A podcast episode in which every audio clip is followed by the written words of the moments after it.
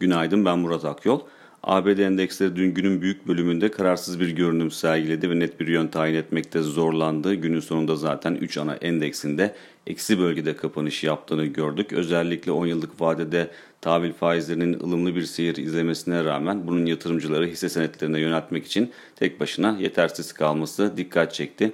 Diğer taraftan e, makroekonomik veri akışına baktığımızda e, verilerin de risk iştahını desteklemediğini gördük ki yeni konut satışları e, %5.9 oranında piyasa beklentisinin de üzerinde geri çekildi. Önceki ayki veride ki o 1 milyon üzerinde bir rakamda aşağı yönlü revize edildi.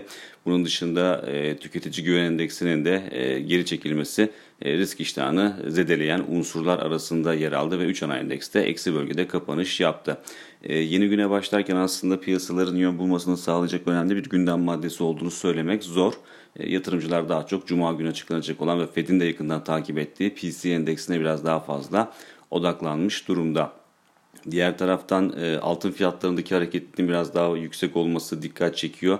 Orada e, Ocak ayından bu yana ilk defa e, ons altında 1900 doların üzerine test etmeye başladı altın ki Mart sonundan bu yana da zaten e, belirgin şekilde yukarı yönlü bir trend söz konusuydu. E, ama şu anda şu anki e, güçlü fiyatlar o trendin de üzerinde rakamlar görmemizi sağlıyor. Özellikle 1890 doların üzerinde kalınması durumunda bu yeni trend teyit edilmiş olacak. Ancak şu var ki indikatörler şu anda aşırı alım bölgesine ulaşmış durumda. Bu da risk yaratan bir faktör olarak çalışıyor ama standart sapma bazında baktığımızda aylık bazda 1 ve 2 standart sapmalar arasında seyrediyoruz. Bu da şu anda en azından standart sapmalar bazında aşırı alıma işaret eden bir durum olmadığını göstermesi bakımından önemli.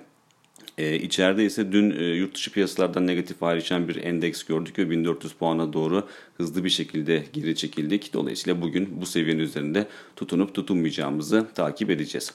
Bir sonraki podcast'te görüşmek üzere.